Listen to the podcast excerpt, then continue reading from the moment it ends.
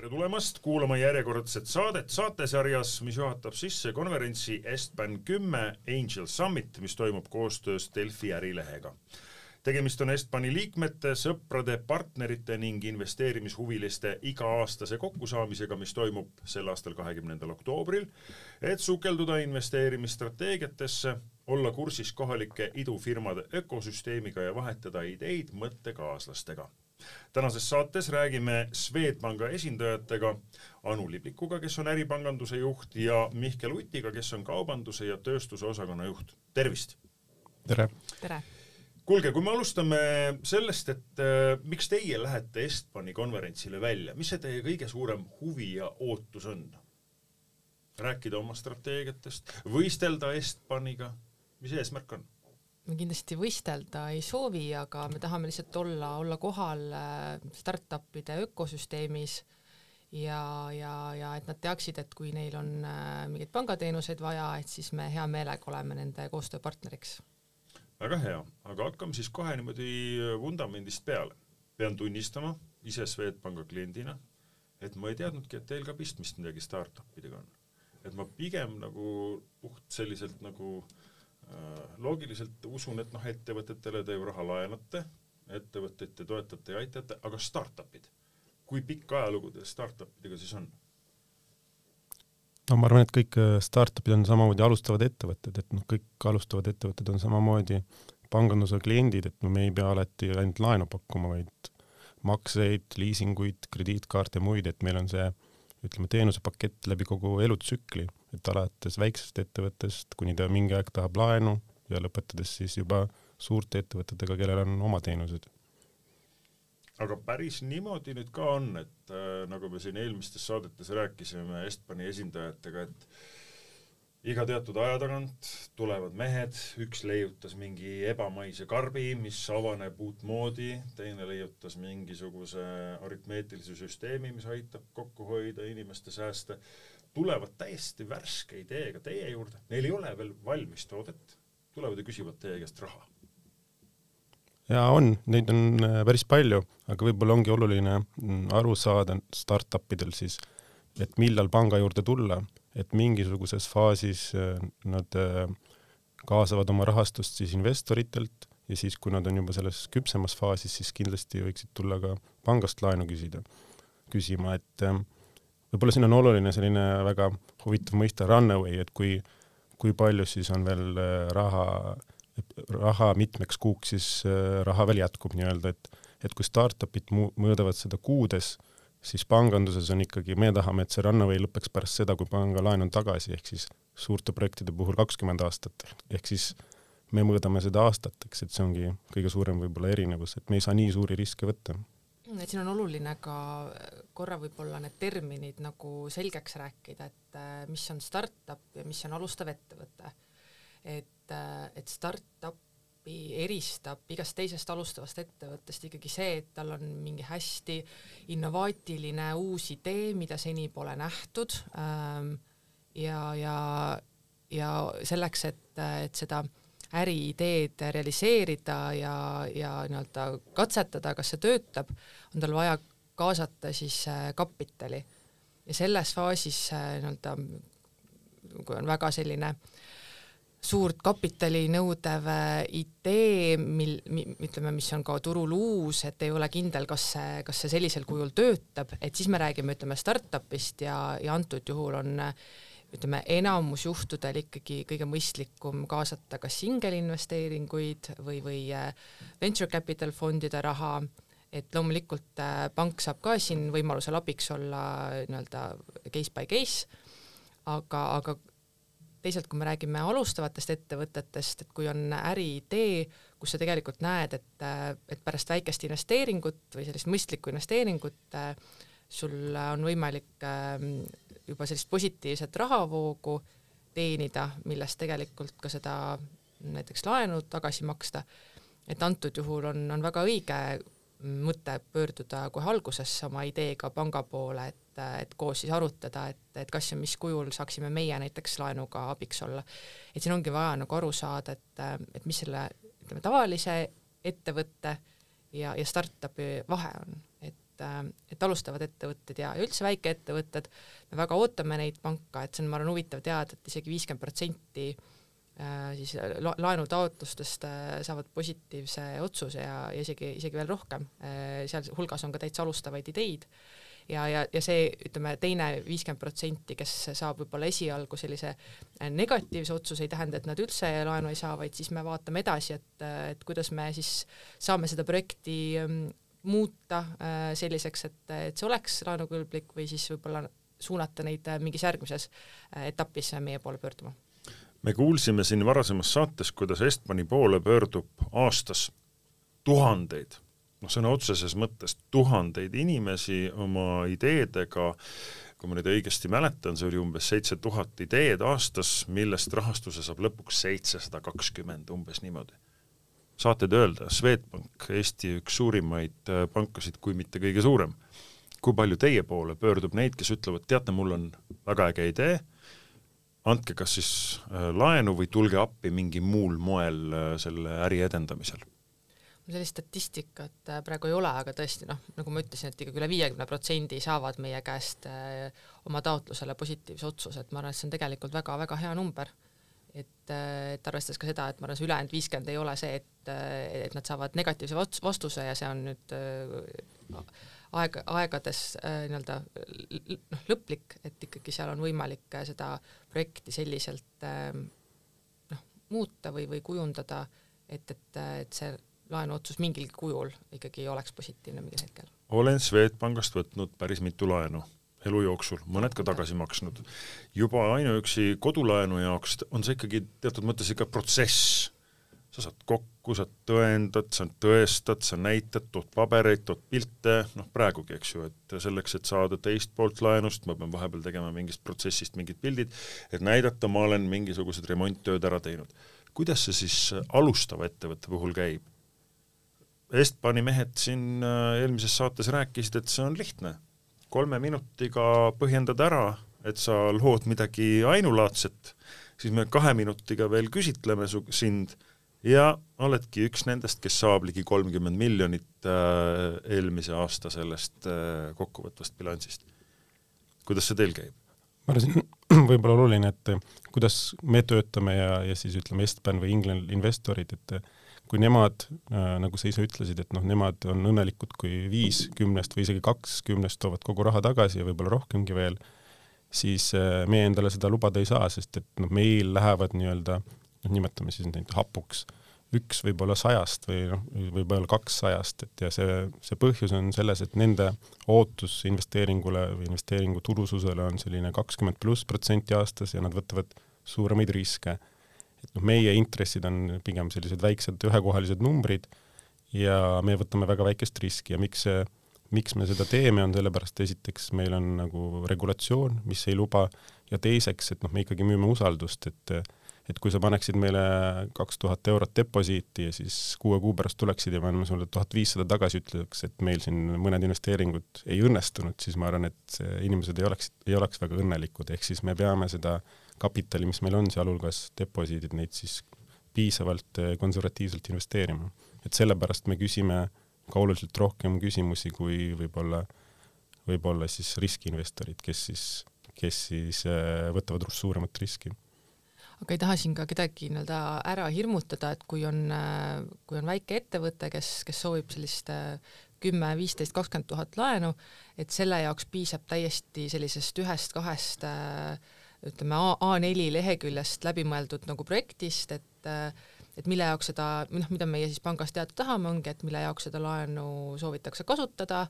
ja, ja kust tulevad need rahavood selle laenu tagasimaksmiseks ja loomulikult siia juurde käib ka see tagatise teema, aga ma arvan, siia taha me tavaliselt kinni ei jää, et siin on erinevaid võimalusi, on laenukäendus, KredEx, kinnisvara, mis iganes, et, et, et seal ma arvan, leiame koos nagu lahenduse. oskate te tuua nüüd endas nüüd viimasest ajast ka mingeid näiteid, et noh, näiteks nime ei ole vaja öelda, võib-olla lihtsalt üldiselt tuli sellise ideega, arvasime, et on hea, toetasime või andsime laenu mm esimesena tuleb kohe pigem meelde see, see teine pool, et, et mõned aastad tagasi, kui kui sai ühe laua taga istutud ettevõttega, kes, kes ka nii-öelda müüs oma ideed, nii-öelda uued investeeringud ja küsisid selleks nagu pangast laenu, et, et, et pigem nii-öelda kõhutunne, tunde järgi ütles ei teatud põhjustel ja ja, ja, ja tegelikult hiljem tuli välja, et see oli õige otsus et, et selles mõttes. Ja neid, neid, neid sarnaseid nagu lugusid äh, teistelt kolleegidelt ka kuulnud, et lihtsalt äh, teinekord ongi klient väga tänulik ka selle üle, kui ta saab nagu negatiivse nii-öelda laenuotsuse, sellel hetkel ta seda ei tea, et ta võib-olla mõne aasta pärast on, on meile nii-öelda tänulik. Ja, ja selliseid nagu väga tugevaid kliendisuhteid, kus tegelikult see usaldus on tekkinud läbi selle, et me oleme võib-olla mõne halva investeeringu suutnud nagu ära hoida, on, on ka päris, päris mitmeid et, et aga loomulikult positiivseid äh, kaasuseid on ka meil, meil rohkem ja veel, et ma võib-olla lisaks, et see koostöö ei pea alati olema, et me anname laenu või midagi, et näiteks meil oli siin suvel kampaania Co-moduliga, kellele kuuluvad ka siis tuule tõukerattad, et näiteks Swedbanki kaardiga sai nendega sõita äh, discount'iga, et selles mõttes nendega on meil, me loodame siis seda koostööd ka jätkata, et see ei pea alati olema selline tavapärane koostöö, et me võime teha ka e-, erinevaid Äh, lahendusi nagu olenevalt siis ettevõttest. aga põhimõtteliselt on see nüüd ikkagi niimoodi, et äh, võib-olla inimestel on jäänud mulje ja võib-olla siin ma eksin ise, aga aidake mind siis õigele rajale, et äh, vähemalt mulje jäi nüüd Estbani meestega rääkides mulje, et küllap on nii, et nemad ootavad sellist noh, väga hea ärikäibega, suure plaaniga, pidevalt kasvavat äriideed, mida nad siis ka rahastavad lootuses, et sealt tuleb. et teie juurde võib nüüd ikkagi tulla selline, mina panen sõbraga kokku pagarikoja ja me arvame, et noh, me ei hakka nüüd tootma megakasumit, et me ostame kohe Beverly Hillsi maja, aga me usume, et see on kogukonnale hea, meil on endal kirg ja soov ja tahe seda teha, on ka olemas turg ja nüüd on see koht, teie tulete appi meile nende ahjude ostmisel ehk et see idee ei pruugi olla atraktiivne nagu ingelinvestorite kontekstis. just, just. aga ma arvan, noh, meil enamus äh, ettevõtjad ongi sellised, kes tulevad sellise võib-olla rahulikuma ja maapoolse, maapealsema plaaniga, et neid startup'e, neid, nad paistavad rohkem välja võib-olla meedias, aga aga neid on ikkagi vähem ja nemad jõuavad ka meie juurde, aga, aga ma julgustaks neid ka meie juurde tulema, et võib-olla me äh, hetkel ei ole võimelised neil finantseerima, aga me vähemalt saame neile öelda, et mis hetkel nad võivad tagasi tulla, et noh, või mis peaks olema tehtud või, või pakkuda mingeid muid tooteid. mul endale tuleb meelde mu ajakirjaniku tee algusajast kuskil üheksakümnendate keskpaigast, kui kui ma ei eksi, siis äh, mingisugune riiklik selline nagu fond ma arvan, et KredExi eelkäija hakkas andma ettevõtle äh, stardi mingisuguseid äh, finantseeringuid, viis tuhat krooni oli vist umbes esimene kord. ja siis ma mäletan, lehte sattus lugu, kus üks mees oli tulnud panka ja küsinud siis, või sellesse, sellesse fondi ja kirjutanud oma äristrateegiat, tema soovib viite tuhandet eurot selleks, et osta endale suusaboksi ahah, et mille jaoks siis suusaboksi, vot tema oli lehest lugenud, et äh, viimasel ajal on probleeme, et keegi ei soovi, soovi surnukehasid ära viia, kui noh, keegi inimesed on ära surnud, et siis tema tuleks äh, linnale ja riigile appi, hakkaks suusaboksiga neid äh, surnukehasid siis ära vedama, surnukuuri. et noh, ma usun, et ka teil on tõenäoliselt Swedbanka pikast ajaloost noh, väga ulmelisi ideid, millega on teie juurde ju tuldud. jaa, kindlasti on, mul on ka, ütleme, iga aasta selline paar-kolm tükki ikka on selliseid, et mis panevad ikka naeratama, et väga raske on seal võib-olla koosolekul, kui seda ideed kuuled, et mitte naerma hakata, et aga noh, isegi mitte naerma, aga, aga noh, see, see on väga keeruline, aga et, et aga samas ettevõtjad räägivad väga särasilmi, siis on nagu kuulad ära ja annad nõu ja siis võib-olla kunagi tulevad parema ideega, mis aga, on finantseeritav. aga teil päris nii nüüd ei ole, et kolm minutit on see liftikõne ja siis on kaks minutit küsimused, aitäh, jõudu, nägemist, kas negatiivne või positiivne otsus? ja meil on see protsess ikka pikem ja Anu, sa saad võib-olla kommenteerida. jaa, noh, kõigepealt ma ikkagi julgustaks, kui on idee, et siis äh, saab äh, meil kodulehel nii-öelda nõustamisele aja broneerida, et, et äh, pangainimesega siis seda ideed põrgatada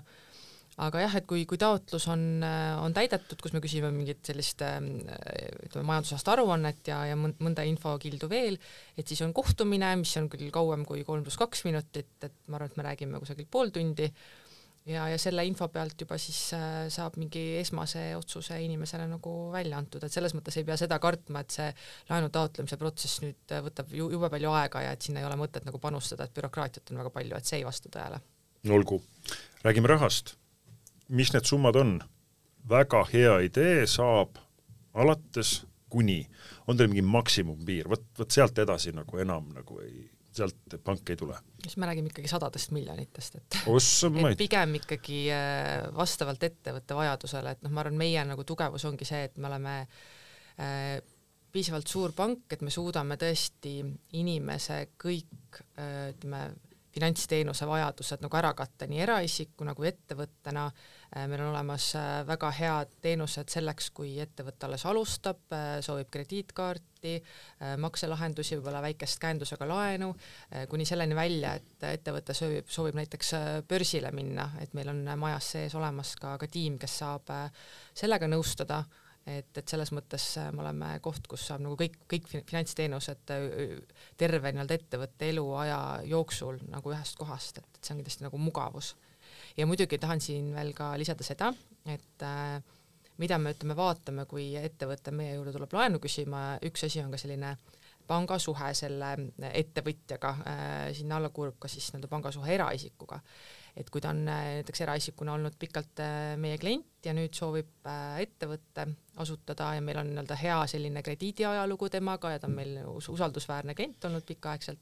et siis ta saab kindlasti ka, ka nii-öelda madalama riskisuse taseme oma ettevõttele külge ja, ja paremaid tingimusi, et ja alati paremat intressi alati. seda ma võin küll öelda ise teie kliendina. see on ausalt öeldes, kui rääkida era, era, eralaenudest, siis isegi võiks öelda, et et need ühest pangast teine, teise hüppamised olen proovinud. midagi pole teha, no ei pakuta paremat, mulle vähemalt kuidagi ei pakuta paremat intressi. võib-olla see on selle tõttu, et ma olen laisk, ma ei ole viitsinud hüpata ühest kohast teise, ma ei tea, kuidas ettevõtete puhul on. aga okei okay,, räägime ettevõtetest veel e,. nüüd, kus elu on ikkagi päris keeruline siin praegu sellel hetkel, kui me seda saadet salvestame, saab valitsus, ennekõike rahandusminister, korralikult võtta, et võttis riigile laenu ajal, kui intress on enneolematult kõrge ja me maksame mingit surnud hobust. täna väga keerulisel äh, kaks tuhat kakskümmend kaks, kaks tuhat kakskümmend kolm kevad-talve eel on üldse mingisugune lootus ettevõtjatel, alustavatel ideedel hea intressiga, heade tingimustega laenu saada või on väga keeruline aeg, pigem oleks tas-, pigem oleks mõistlik oodata kevadet. või ma ei tea mida, me ju ei tea üldse, mis saama hakkab, kaua see sõda kestab ja nii edasi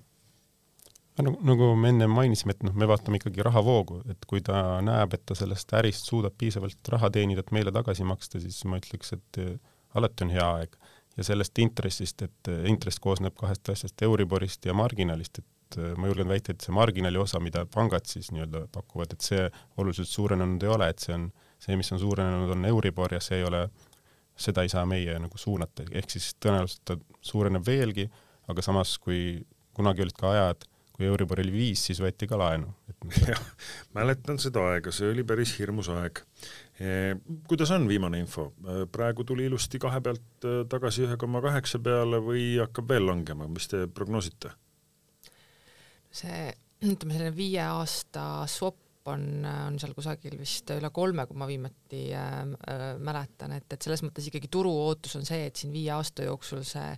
Euribor äh, ikkagi peaks kasvama siin üle kolme protsendi ka mõneks ajaks, aga, aga noh, ma arvan, oluline ongi äh, meeles pidada seda, et me olemegi liiga pikalt olnud äh, pigem ebanormaalses intressikeskkonnas, kus Euribor on olnud negatiivne, et kui nüüd võtta selline äh, Äh, keskpika plaani nagu keskmine Euribor on see ju väga mõistlikul tasemel, et kui me räägime korra sellest ka, et, et äh, milline on äh, suhe Swedbankal ja pangandusel üldse startup'ide ja seal toimetavate inimestega, siis palju on ju igasuguseid e-residente ka selles maailmas. kuidas teie panga suhe e-residentidega on, kuidas see käib? mismoodi see toimub, saavad nad kenasti oma kontod avatud, saavad nad Eestis äri tegema hakata? Ja ma arvan, siin on väga eriline, väga oluline eristada, et kas see e-resident tegi e-residentsuse selleks, et hakata Eestis äri tegema või tal aitab see kus, või tal aitab see kuskil mujal midagi lihtsustada, et meile on oluline, et oleks seos Eestiga. et kui see e-resident tuleb meile ja suudab meile tõestada, et ta hakkabki siin Eestis äri tegema, tal on OÜ, mingi äriplaan ja nii edasi, siis loomulikult me, me tahame, et sellised kliendid oleks meil, aga kui ta tuleb meie juurde ja avab konto selleks, et ma ei tea, näiteks Türgist Hispaaniasse metalli viia või midagi sellist, et noh, siis see seos Eestiga, et kui see metall näiteks kunagi Eestisse ka ei jõua, on suhteliselt nagu nadi, et noh, sellisel juhul no, tekib küsimus, et miks tal Eestis üldse kontot vaja on, et noh, ma arvan, siin ongi väga oluline see seos Eestiga ja see, et me saaks aru, kes on omanikud, kes on töötajad ja nii edasi.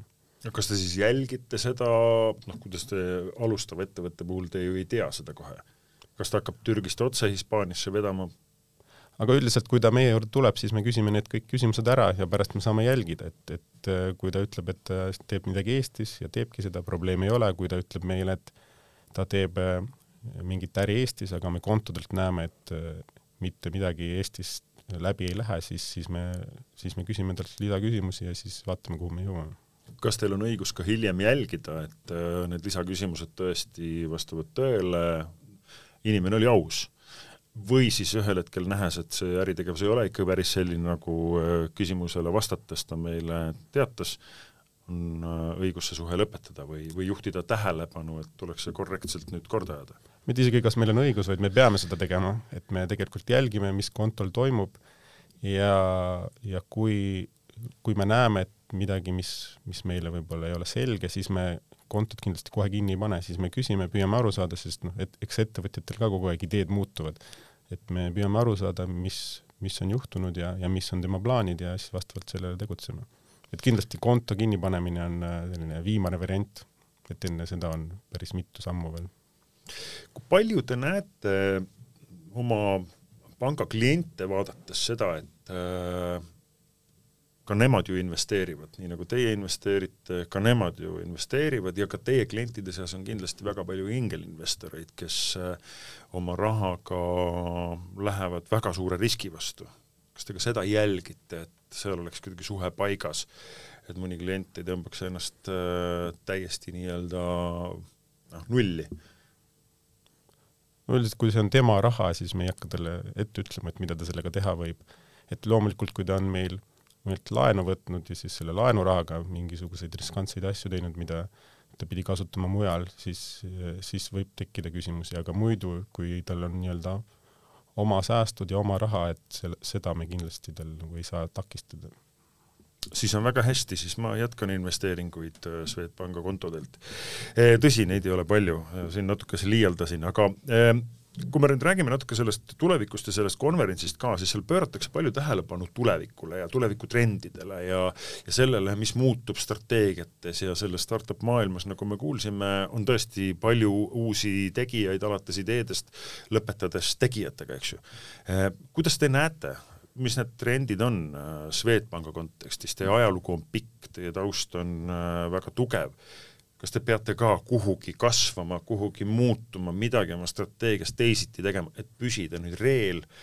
kus kõik käib hästi kiires tempos? ja kindlasti, noh, ma arvan, sellepärast me äh, startup idega püüamegi kuidagi rohkem suhestuda, et aru saada, et, et kuhu see maailm liigub, et pigem nemad loovad trendi ja siis me püüame nendega kaasa minna, et siis me püüame samamoodi